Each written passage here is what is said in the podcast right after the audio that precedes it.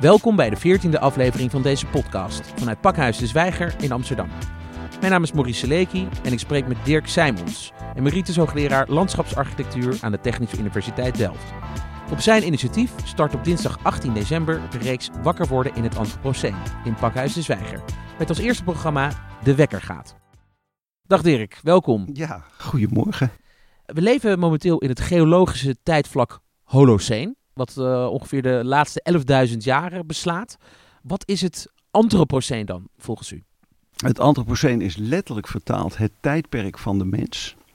En er zijn geleerden die het idee hebben dat de invloed van de mens op de aarde en zelfs op de geologische en geochemische processen van onze planeet zodanig groot is dat je van het tijdperk van de mens mag spreken die geleerden die de, het Anthropoceen hebben geïntroduceerd. Dat is ongeveer 100 jaar geleden gebeurd, in 1919. Onder andere de geoloog Alexei Pavlov. Die heeft het uh, begrip als eerste geïntroduceerd. En later is het in 2000 nog eens een keer groot geworden door onder andere de ecoloog Eugene F. Sturmer en een Nederlandse Nobelprijswinnaar, Paul Crutzen. Ja. We moeten daar vooral de nadruk op blijven leggen dat het een Nederlander is. Anders net als bij de boekdrukkunst, glipt ons weer dit tussen de handen en is het uiteindelijk een Duitser. Duitse uitvinding. Ja, ja. precies. Maar die term die, die is dus al geïntroduceerd. Bijna 100 jaar circuleert het. Maar het is nog niet officieel erkend door de, door de geologen. Waarom is het dan toch belangrijk om dit antropoceen te erkennen? Nou, het is in de discussie gebracht vanwege de implicaties die het heeft. Ook voor de verantwoordelijkheid van, uh, van, van de mensheid dat je van het tijdperk van de mens zou kunnen spreken. Want realiseer je even dat daarmee de geschiedenis van de mens, de geschiedenis van het mensdom, eigenlijk overgaat in de geschiedenis van de aarde. dus dat je, ik heb vroeger uh, aardrijkskunde en geschiedenis gehad, twee totaal verschillende vakken met verschillende type leraren ook. En aardrijkskundeleraar was echt iets anders dan een geschiedenisleraar. Moet je je voorstellen dat dat dus in elkaar loopt, in elkaar overloopt. En dat is nou ja, van zo'n, eh, laat ik maar zeggen, filosofisch belang, maar ook om te reflecteren op ons eigen gedrag als mensdom, dat ik en vele anderen met mij die term niet alleen interessant, maar ook heel raak vinden. U bent natuurlijk uh, landschapsarchitect en wetenschapper, dus u weet ook veel van de geologie en van die tijds uh, schalen. Maar als we dit proberen voor de leken zeg maar, inzichtelijk te maken, wat betekent het eigenlijk dat de mens dan zo'n impact heeft op zo'n tijdschaal? Wat, hoe, hoe, moeten we ons dat voorstellen? Nou, je moet je dus realiseren dat je uh, op het moment dat je hierover uh, begint te praten met elkaar en wetenschappers onder elkaar publicaties maken over wat zij ervan vinden en denken. Sommigen vinden het onzin, anderen pikken dit op dat er in wat de geologen noemen de stratigrafische commissie, dat is een commissie van de Royal Geographical Society, waarover over dit soort dingen beslist wordt. En natuurlijk, geologie is een wetenschap met hele deftige, grote tijdschalen. Daar komt nooit veel nieuws uit, maar dit is echt aan die stratigrafische commissie gegeven van kijk hier serieus naar. Zijn hier echt aanwijzingen voor? En in die commissie zijn er eigenlijk drie verschillende scholen, zou je kunnen zeggen, over wanneer je het antropoceen zou moeten laten beginnen. Er is een school die zegt dat je eigenlijk het hele Holoceen het antropoceen zou kunnen noemen, omdat met de out of Africa uh, verspreiding van de mensen over de aarde overal op alle continenten de grote herbivoren en grote predatoren door jachtdruk waarschijnlijk zijn uitgestorven. We weten dat natuurlijk niet zeker. En dat heeft zo'n invloed dus gehad. Dus nog, nog één keer even terug. Dus de Holocene is 11.000 jaar geleden begonnen. Dan zou het Anthropoceen ook 11.000 jaar moeten beginnen. En je skip de Holocene. Dat is één school. En dan is het Holoceen en het startpunt die 11.000 jaar geleden, dat is dan in Afrika gebeurd. Met... Nee, nee, nee. Je moet je realiseren dat nog veel langer geleden de mens zeg maar, zich vanuit Afrika Precies. over de aarde verspreid heeft. Black Eve. Inderdaad. En waar eh, ze ook kwamen, dus langzaam, hè, dus zeg maar met een paar kilometer per jaar Azië inschoven, Europa inschoven. Later de Amerika's bereikten via de Beringstraat, die toen droog lag. Overal waar ze kwamen, is door jachtdruk, hè, door dieren die niet gewend waren bang te zijn voor die tweebenige chimpansee. En die dus als het ware zich makkelijk lieten vangen en doden, zijn de grote herbivoren, dus de planteneters en de grote predatoren, De vleeseters. de vleeseters, die zijn uitgestorven op alle continenten. Behalve Afrika, waar de beesten wel in de gaten hadden op te passen voor, die, eh, eh, voor de mens. Nou, sommigen zeggen, daar begint het antropoceen, want het heeft zo'n invloed gehad op zelfs de atmosfeer enzovoort. Nou, dat is een, een, een minderheidsschool. Ja, dus dat is, dat is één. Dat is 11.000 één. jaar geleden. Ja. De tweede school is, is er, nee, je zou eigenlijk het beste het patent van James Watt van de stoommachine.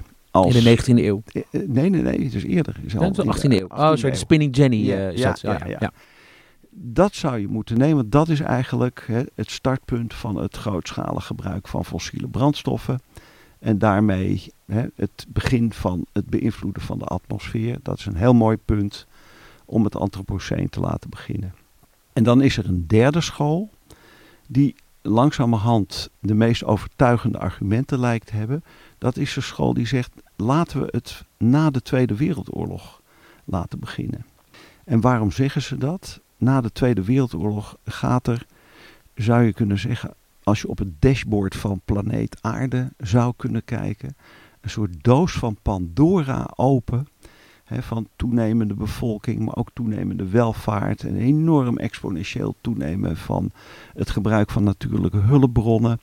Het gebruik van fossiele brandstoffen. En ook van de luchtverontreiniging en de CO2-uitstoot, de broeikasgassen die daarbij horen. Hè? Het overbevissen, het kappen van de oerwouden. eh, Het vliegen. Allemaal. Hè? Ja. Eh, Zie je die grafieken als het ware door het plafond gaan.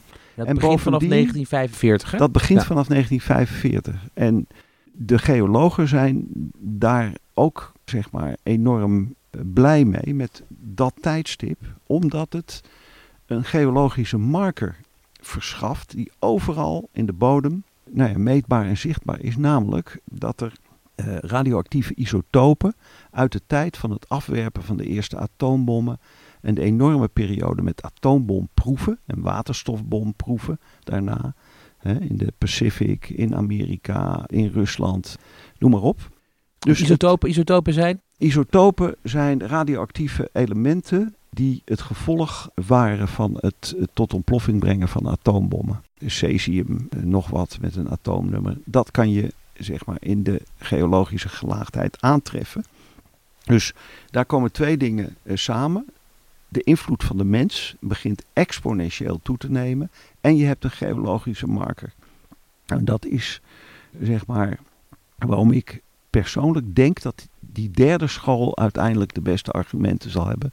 Maar ik ben, ja, ik ben geen geoloog, ik ben eh, landschapsarchitect. Dus we wachten het rustig af tot er witte rook uit, eh, die Londen vergader- komt. Uit Londen komt, ja. Ja. Die notie antropoceen, het tijdvak van de mens en de impact die de mens dus heeft op de geologie, die maakt mensen ook verantwoordelijk voor alle veranderingen. Letterlijk, dat is In de... zekere zin verantwoordelijk, ja. Ja.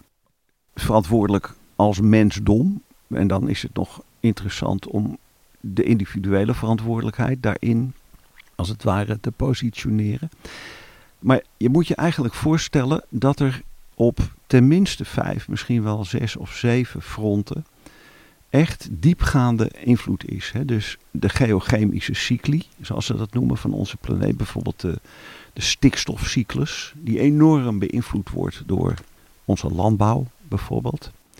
We beïnvloeden de zuurgraad van de oceanen en daarmee ook de oceaanstromingen. We beïnvloeden en hebben beïnvloed. De sedimenthuishouding van ongeveer alle rivieren ter wereld waar dammen ingelegd zijn voor elektriciteitsopwekking of om eh, delen van rivieren bevaarbaar te maken. We hebben een diepgaande invloed op het uh, landgebruik gehad. Hè. Als je kijkt naar uh, welk percentage van de aarde ontgonnen is voor, landbouw, voor en, landbouw en bewoning, dat is vrij indrukwekkend. Je ziet dat, om maar eens even een cijfertje te noemen, als je dus alle gewervelde landzoogdieren bij elkaar op zou tellen en zou wegen, dan is 95% van dat gewicht, dat zijn wij. Met onze gedomesticeerde dieren, de runderen, de geiten, de schapen, de varkens, de paarden, de katten, de honden. Noem maar op, 95% van het gewicht. Dus 5% van het gewicht is over voor de wilde gewervelde landdieren. Voor de olifanten, voor de giraffen, voor de luipaarden, voor de muizen.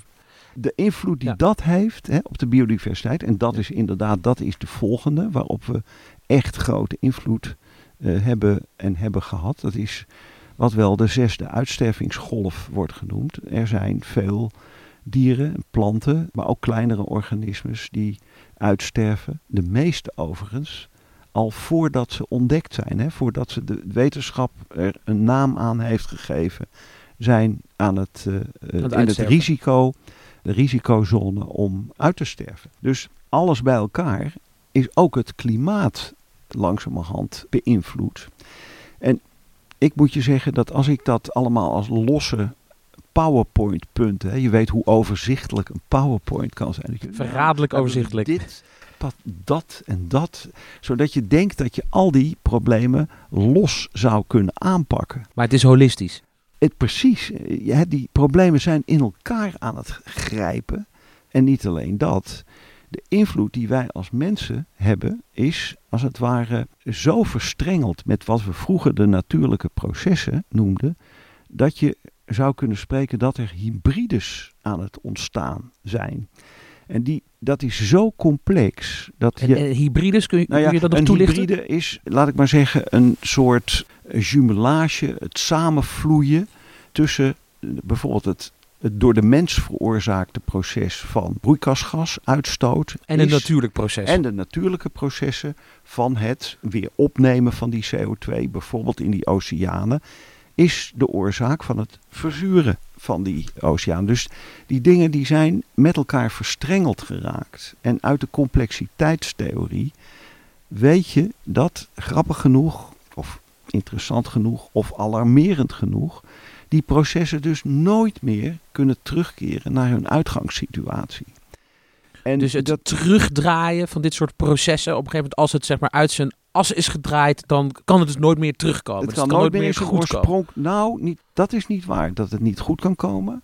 Het komt niet meer terug in zijn, in zijn oorspronkelijke situatie. Kijk, ik ben oud genoeg. Ik ben opgeleid met het idee.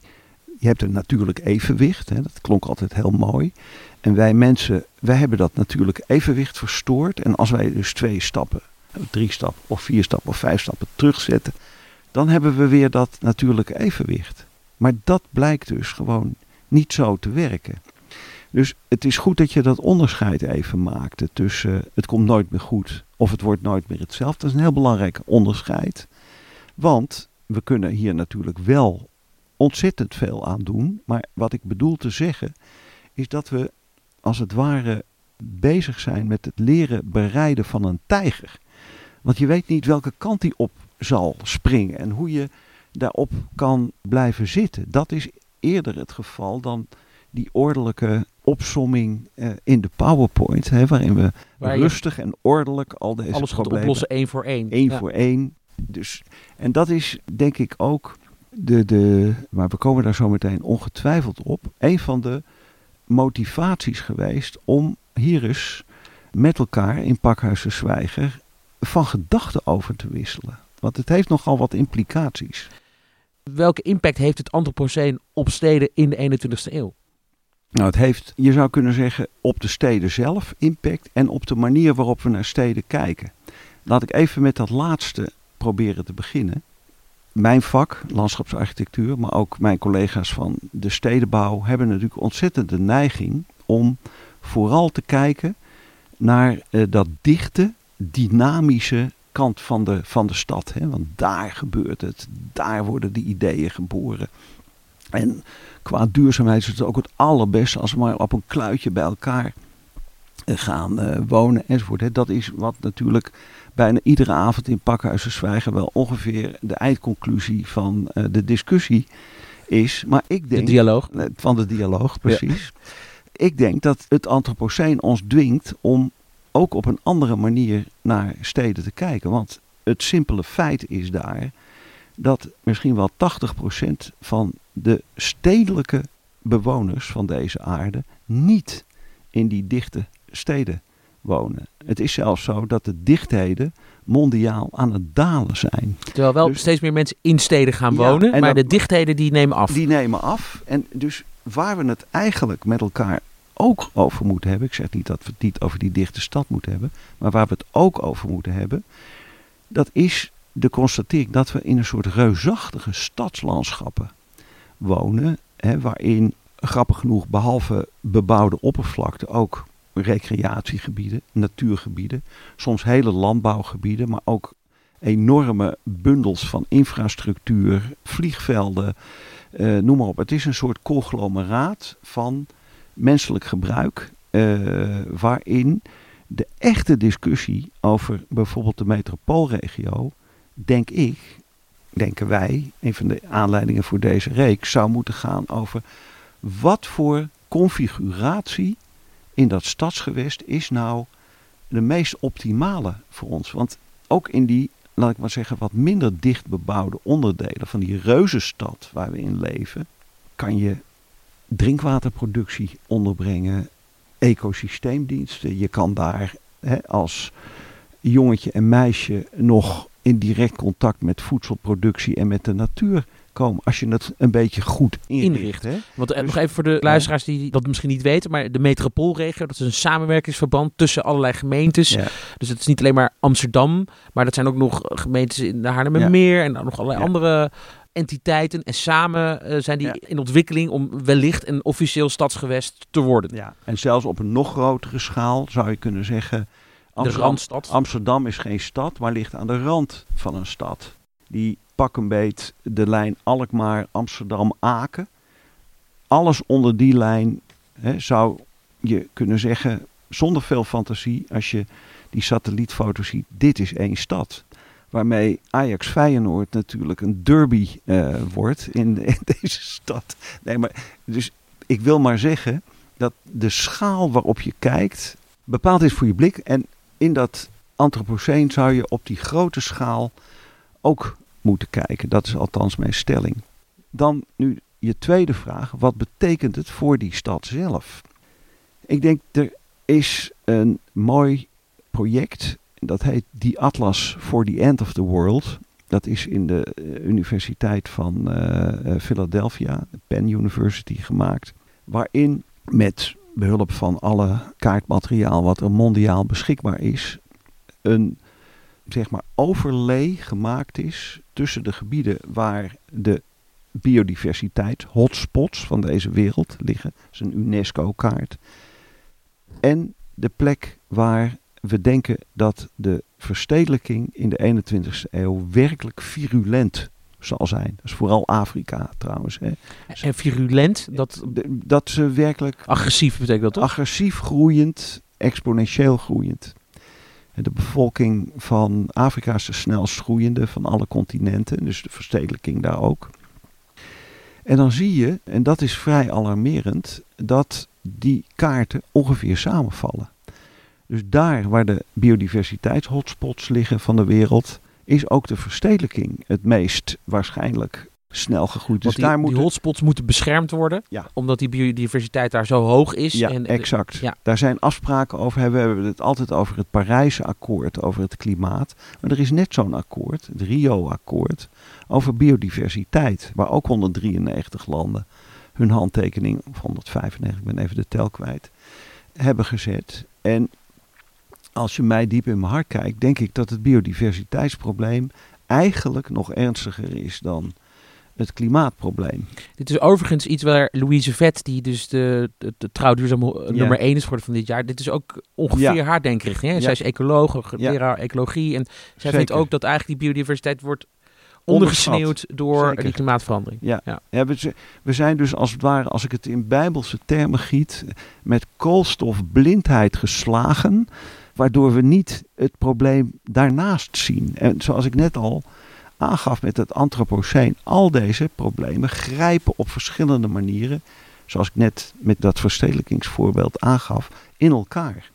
Wat kunnen we concreet gaan verwachten in de programmareeks Wakker worden in het Anthropoceen? We hebben vier avonden met ieder drie sprekers. We beginnen de wekker gaat, hè, dus we gaan het Anthropoceen neerzetten. Wat is dat nou?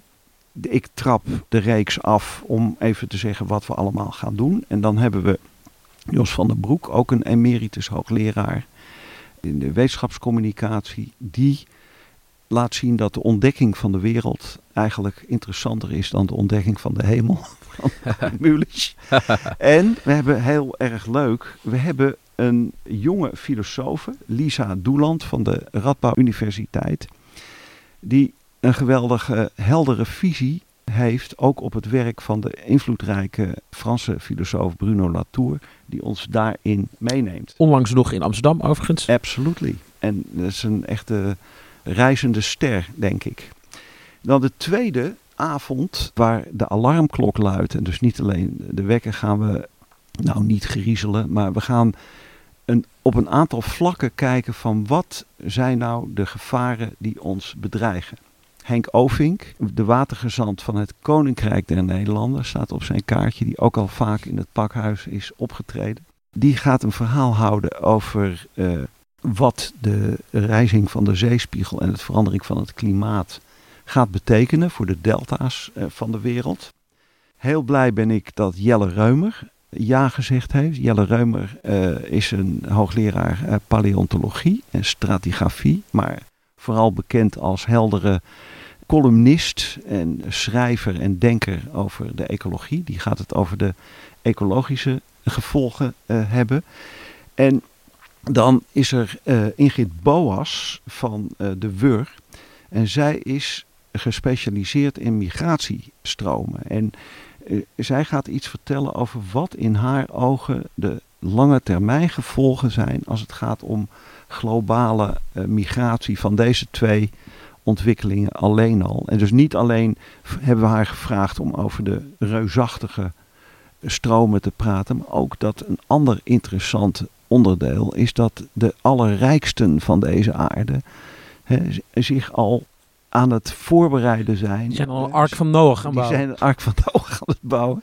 En veilige plekken aan het bedenken van hè, waar, eh, waar moet ik naartoe if the shit hits the fan, zoals dat, eh, zoals dat heet.